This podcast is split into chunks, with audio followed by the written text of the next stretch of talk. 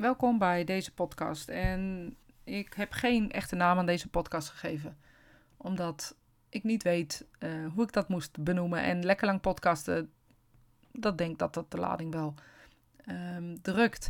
Ik um, neem podcasten op of, of, momenten op waarin ik vertel um, over mediumschap, over ontwikkeling uh, op spiritueel gebied, maar zeker ook de uh, dingen die me daarin bezighouden, die me daarin opvallen. En nou ja, daar vertel ik dan over. En ja, ik ben iemand die niet per se een blad voor zijn mond neemt, maar op het moment dat iets wat spannender wordt, zal ik dat altijd zeggen in mijn podcast. Ik vind het spannend om dit te vertellen, maar Um, vorige podcast ging over uh, de ziel, wat dat nou precies was, of wat het nu precies is.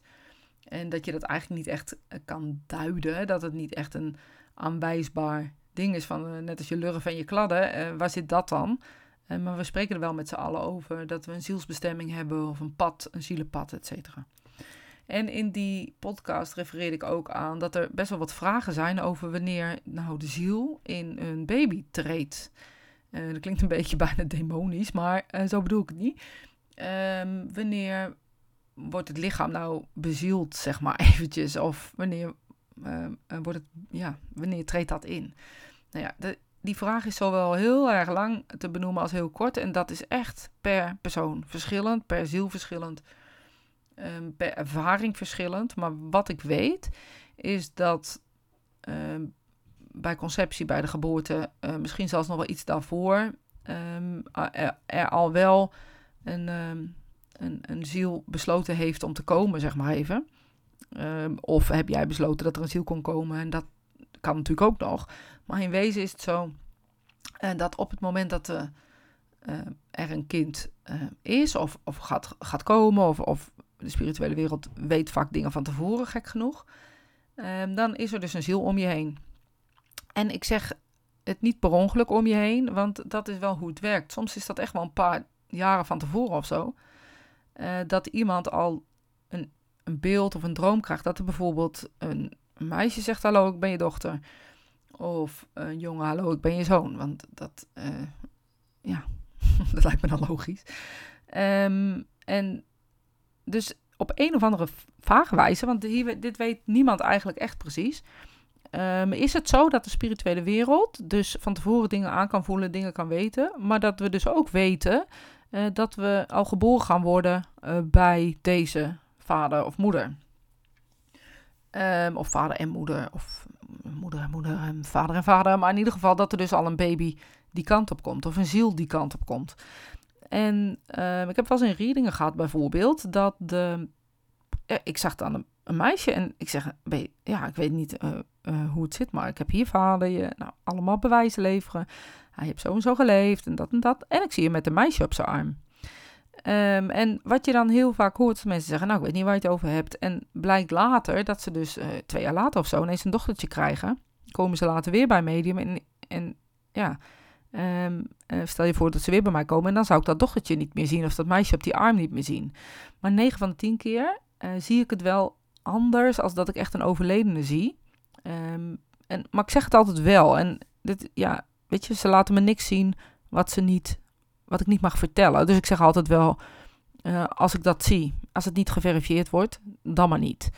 Um, maar het, het, het, um, het feit wil dus dat, dat de ziel al op een of andere wijze bekend is dat hij geboren gaat worden.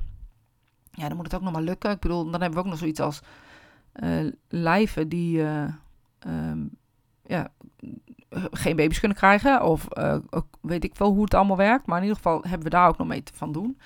En daar zijn wel wat verschillende uh, manieren en methodes voor. Dat er dus ook gezegd wordt, dat stel je voor je kiest, kiest voor een draagmoeder of iets dergelijks, dat diezelfde ziel die op die arm van, die, van je vader zat, uh, wel gewoon geboren wordt of zo. En dan bij jou komt. Dus hoe dat precies zit, sorry, geen idee. Um, er zijn verschillende theorieën over. Maar of een theorie echt klopt, dat weten we eigenlijk niet echt. Maar dat weten we denk ik pas als we zelf weer terug zijn uh, naar de spirituele wereld, waar we natuurlijk ook vandaan komen. Vandaar dat we dus ook een ziel van tevoren kunnen voelen. Um, maar wanneer, nou stel je voor je bent, uh, je weet je bent zwanger, um, nou, dan zijn er echt verschillende verhalen. Ik ken verhalen dat op het moment dat de vrouw lag te baren, er ineens een stem uh, was van een jongen. Of waarbij ineens een gezicht van een jongen werd gezien. Of waarbij, ehm, nou ja, allerlei dingen uh, ineens uh, te zien waren.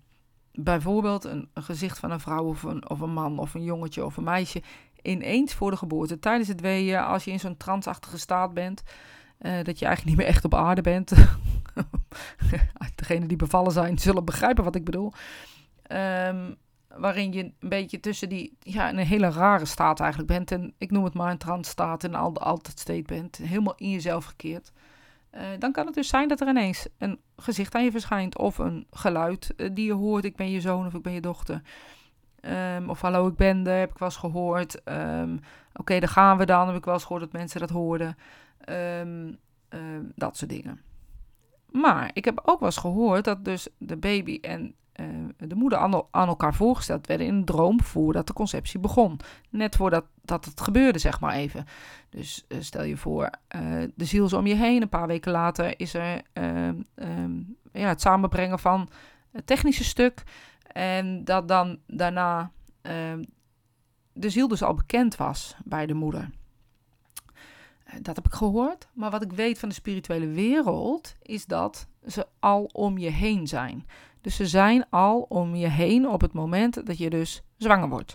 Ze zijn om je heen, ze zullen kijken. Uh, uh, ja, ik weet niet of ze dan al in de voeten uh, zijn, maar ze zijn wel om je heen. Het lijkt me heel erg ongemakkelijk om, als je de mogelijkheid nog hebt om in en uit te zijn, zeg maar even, om dan continu alleen maar bij je moeder te zijn. Maar ik geloof echt wel dat de, die zielsconnectie, um, die we zo kunnen voelen met een kind, uh, dat die er gewoon is. Dus dat die er van tevoren al is. En hier komt dan ook de theorie dat als je um, niet bij deze ouders opgevoed wordt, maar bij andere ouders opgevoed gaat worden, dat de ziel dat dus ook weet op een of andere manier. En dat er dus ook al een connectie kan zijn met die nieuwe ouders waar jij dan straks opgevoed gaat worden. Vind ik een interessante theorie. Weet ik verder niet zoveel van. Maar dit is dan wat ik wel eens gehoord heb. Um, wat ik weet is dat de ziel er is. En uh, dat je er dus al connectie mee kan maken. Net zoals we ook dus connectie kunnen maken met overledenen. Um, een ziel is nooit helemaal nieuw of zo, weet je. Die is al in de spirituele wereld, dus die wordt niet ineens ontspruit ergens uit. Um, maar die treedt als het ware um, ja, in een lichaam om geboren te worden. Om deze ervaring, die wij nu ook hebben, uh, te ervaren. Nou, dan kan je aanvragen, ja, lekker slim of lekker niet slim. Maar daar gaat het dit verhaal even niet over. Dit gaat dus, hoe komt de ziel, uh, of wanneer komt de ziel um, in het kind wat je draagt of bij je komt. Nou, dat is dus wisselend. Dat is dus um, heel wisselend, heel veel wisselende ervaringen. Maar 9 van de 10 keer is de ziel echt wel om het lichaam heen. Um, bij de moeder, aanwezig bij zijn nieuwe lichaam. en waarom? Die reden weet ik niet helemaal. Maar dat zullen we wel weten als we daar zijn. En dan is het aansluitend misschien ook nog wel uh, leuk om dan, hoe gaat dat dan de andere kant op? Dus het doodgaan, zeg maar even. Want het ligt natuurlijk hartstikke dicht bij elkaar, dat geboren worden en dat doodgaan. Want in allebei de gevallen is er een ziel die ergens intreedt of ergens uitgaat, maar die altijd vanuit de spirituele wereld of weer teruggaat naar de spirituele wereld. Dus het proces um, is dan ook een beetje hetzelfde heel vaak hebben mensen die um, doodgaan zelf wat gekke ervaringen. Of soms de uren daarvoor, de dagen daarvoor. Ook als ze weten, ook als niet als ze weten, hè, rare zin, sorry. Ook als ze niet weten dat ze komen te overlijden. Dus als het overlijden onverwachts is, zijn er ook wat ervaringen die toch wel bijzonder te noemen zijn als, de, als, als dan ineens de over, het overlijden daar is. Dus op het moment dat de ziel uit het lichaam treedt, um, dat is ook niet helemaal bepaald. Um, als, de, als het koord... Sorry voor mijn kikker in mijn keel. Ik hoest even. um, als het koord geknapt is, en dat is wat de spirituele wereld hierover zegt, dan is het koord geknapt. Ik bedoel, als je dood bent, ben je dood. Dus als de ziel eruit is, is de ziel eruit. Dan zal het lichaam nog wel waarschijnlijk herinneringen hebben, zoals ze wel zeggen, hersendood. Um, maar als het de ziel eruit, zit de ziel eruit. Dan zal, uh, net als, sorry voor mijn woordkeuze, maar net als met een kip zonder kop, als je die dus zijn hoofd afhaakt, dan loopt hij best wel nog een tijdje door. En ik weet niet precies hoe lang dat is, maar volgens mij nog best wel een tijdje. Ehm, maar dan is de ziel er echt wel uit, want het koord is geknapt. Want er is, ehm, de, ziel hoeft geen pijn te ervaren, laat ik het maar even zo zeggen. In de overgang uh, ervaart de ziel ook geen pijn. En uh, ze hebben wel eens vanuit de spirituele wereld tegen me verteld dat doodgaan, dus de pijn en doodgaan, te vergelijken is met uh, als je van een fiets valt, dan besef je dat je valt. Je voelt de val op zich niet. Laat even laten, voel je die pijn. Nou, doodgaan is het vallen, het niet voelen van het vallen en dan in de spirituele wereld zijn. Dus die pijn, die ervaar je eigenlijk um, dan ook niet meer van het overlijden. Er zijn verhalen waarin mensen bijvoorbeeld omhoog komen, net voor het overlijden, hun ogen open, wild om hen heen kijken. Um, en dat mensen altijd het gevoel hebben dat ze iets willen zeggen. Uh, maar 9 van de 10 keer willen ze dus gewoon zeggen wat ze zien. Dus dat ze zien dat de spirituele wereld hun opkomt halen. En dit zijn allemaal momenten die de ziel ervaart. Dus uh, dat lichaam reageert wat, wat er gebeurt. Er zijn ook verhalen dat, dat mensen uh, echt al een beetje half in de spirituele wereld zijn, dus voordat ze komen te overlijden. Um, ook al weten ze niet dat ze komen te overlijden. Dat kan je dan een beetje zien in de ogen, maar dat weet je pas erna. Je denkt, ja, ik zag al wat laatst, de laatste dagen wat geks in de ogen. En uh, de laatste dagen zeiden ze ook allemaal van die bijzondere dingen. Zo van, uh, nou, uh, daar ga ik dan. Of, ehm, nou, dat, tot ooit weer zien, weet ik wat. Er zijn echt heel veel verhalen. En heel veel bijzondere verhalen ook. Um, over dat, dat laatste moment van doodgaan. En ik moet heel eerlijk zeggen dat ik dat echt reet interessant vind. Um, hoeveel verhalen er zijn en hoe ze eigenlijk op elkaar lijken. Wat je heel veel hoort bijvoorbeeld bij het overlijden, is dat er uh, koffers en um, ramen en deuren ineens verschijnen in, in de geesten ogen. Want het gebeurt natuurlijk niet echt. Maar ze zien het echt wel uh, bijna alsof ze jou zo echt als ze jou zien. Dat er ineens koffers in de kamer staan. Of um, um, deuren die er niet waren, ramen die er niet zijn. En je zou het allemaal kunnen afkopen um, als uh, hallucinaties. maar het frappante is dat, dat het zo vaak gezien wordt als men naar de spirituele wereld gaat, dat ik bijna denk dat onze hersenen dit gewoon automatisch doorkrijgen, zien, uh, ervaren. Ik weet niet hoe, hoe dat allemaal precies wetenschappelijk zit, maar dat er dus een, een soort gelijkheid bestaat in het overlijden uh, en de dingen die ze ervaren is wel duidelijk. En dat schijnt met het intreden van de ziel ook zo te zijn. Alleen omdat we een baby zijn, uh, kunnen we dat niet zo reproduceren. dus het, maar wat je ziet is dat het lichaam heel erg, of dat de ziel heel erg moet wennen als, ze, als je net geboren wordt aan het in een lichaam zijn. Um, ja, nou ja, er zijn verschillende theorieën over, maar uh, het schijnt echt wennen te zijn. Maar de andere kant op schijnt het dus ook weer te wennen te zijn. Dus dat je in de spirituele wereld bent, moet je dus ook weer wennen aan dat, ja, de wereld van liefde. Laat ik het maar even zo benoemen. En uh, de ziel gaat er dus uit als het koord snapt op het moment dat we komen te overlijden. En we zijn met het koord en onze aura verbonden aan onze ziel en lichaam. Dus het koord verbindt onze fysieke lichaam met onze aura en onze ziel. En op het moment dat het koord knapt, kapot gaat, stopt, dan leven we dus niet meer. Kunnen we ook niet meer terugkomen. Dus mensen die een bijna doodervaring hebben gehad, die zijn nog steeds verbonden met hun lichaam via het koord. En vaak wordt er dan ook een tunnel gezien. Um, uh, of, of licht. Uh, maar misschien is een bijna doodervaring een leuk onderwerp voor de volgende keer. Want ik voel dat ik, als ik er nu over ga praten, dat ik daar nog een uur over aan het praten ben. Dus op het moment dat de ziel intreedt bij een geboorte, dat is eigenlijk echt meestal op het laatst. Maar dat ze om de ziel heen zijn, al, of om de moeder heen zijn en al met hun lichaam verbonden zijn. Uh, um, dat is al wel duidelijk. Maar op het moment dat je geboren wordt, ben je echt met het koord en de aura en je lichaam helemaal verstrengeld. En um, ja, dan moet hij weer breken, wil je doodgaan.